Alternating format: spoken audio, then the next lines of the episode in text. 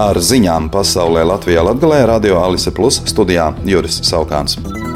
Apvienoto Nāciju organizācijas pārtikas un lauksaimniecības organizācija, Startautiskais lauksaimniecības attīstības fonds, ANO bērnu fonds, Pasaules pārtikas programma un Pasaules veselības organizācija kopīgā ziņojumā secinājuši, ka pasaulē aptuveni 735 miljoni cilvēku cieš no bada vai nepietiekama uztura. Pirms četriem gadiem šis skaitlis bija par 100 miljoniem mazāks, taču pandēmija un sekas Krievijas sāktajam karam Ukrainā situāciju ir pasliktinājušas. ANO 2015. gadā izvirzīja par mērķi izbeigt badu līdz 2030. gadam, bet ņemot vērā pašreizējās tendences, šo mērķi vairs nav iespējams sasniegt. Par NATO samita Viļņā sauso atlikumu var spriest pēc ziņu virsrakstiem. Lietuvas prezidents Gitāns Nausēda paziņoja, ka bez Amerikas Savienoto Valstu līderības transatlantiskā vienotība nebūtu iespējama. ASV prezidents Joe Bidenis konstatēja, ka Krievijas prezidents Vladimirs Putins kļūdījās, domājot, ka ar karu Ukrainā izjauks NATO vienotību. Mēs aizstāvēsim brīvību šodien, rīt un tik ilgi, cik ilgi tas būs nepieciešams, teica Bidenis, uzsverot, ka karam Ukrainā ir jābeidzas ar taisnīgiem nosacījumiem.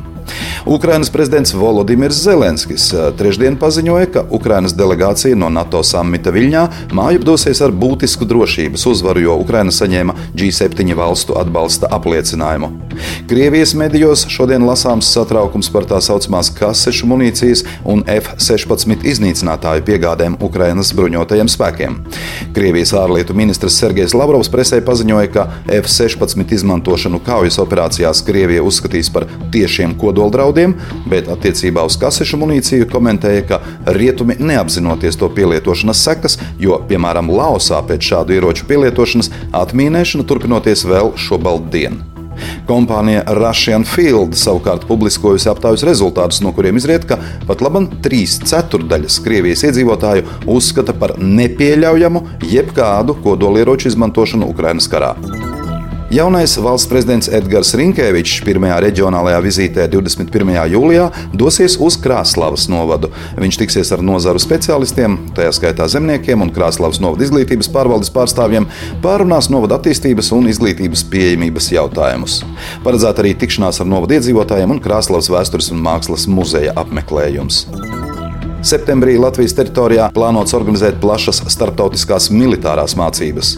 Northern Coasts mērķis būs trenēt kuģu komandu jūras aviācijas un atbalstošo sauszemes vienību sadarbību, bet Sudraba Bulta vingrinās sauszemes spēku mehanizētās kājnieku brigādes apakšvienību un NATO paplašinātās klātbūtnes Latvijā kaujas grupas operāciju plānošanas un izpildes procesu, komandu vadību un savstarpējo sadarbību.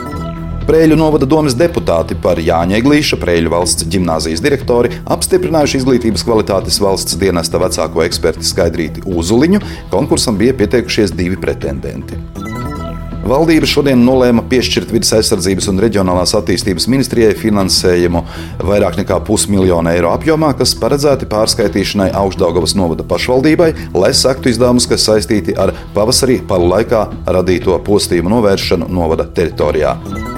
Viļānos šodien notiek lauku diena, tajā var iepazīt graudaugu, pākšaugu, ziemas rapša, kaņepju, šķiedras, linu kolekcijas un selekciju, kartupeļu šķirnes, bioloģiskās lauksaimniecības izmēģinājumus un daudz ko citu. Pasākumu organizē Agroresursu un ekonomikas institūts, Latgales lauksaimniecības zinātnes centrs un Reizeknas novada pašvaldība.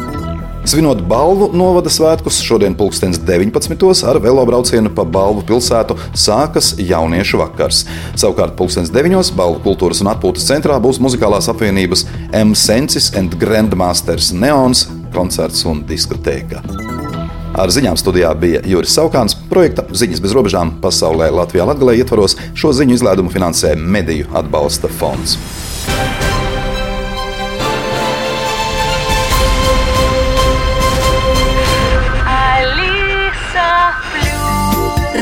Radio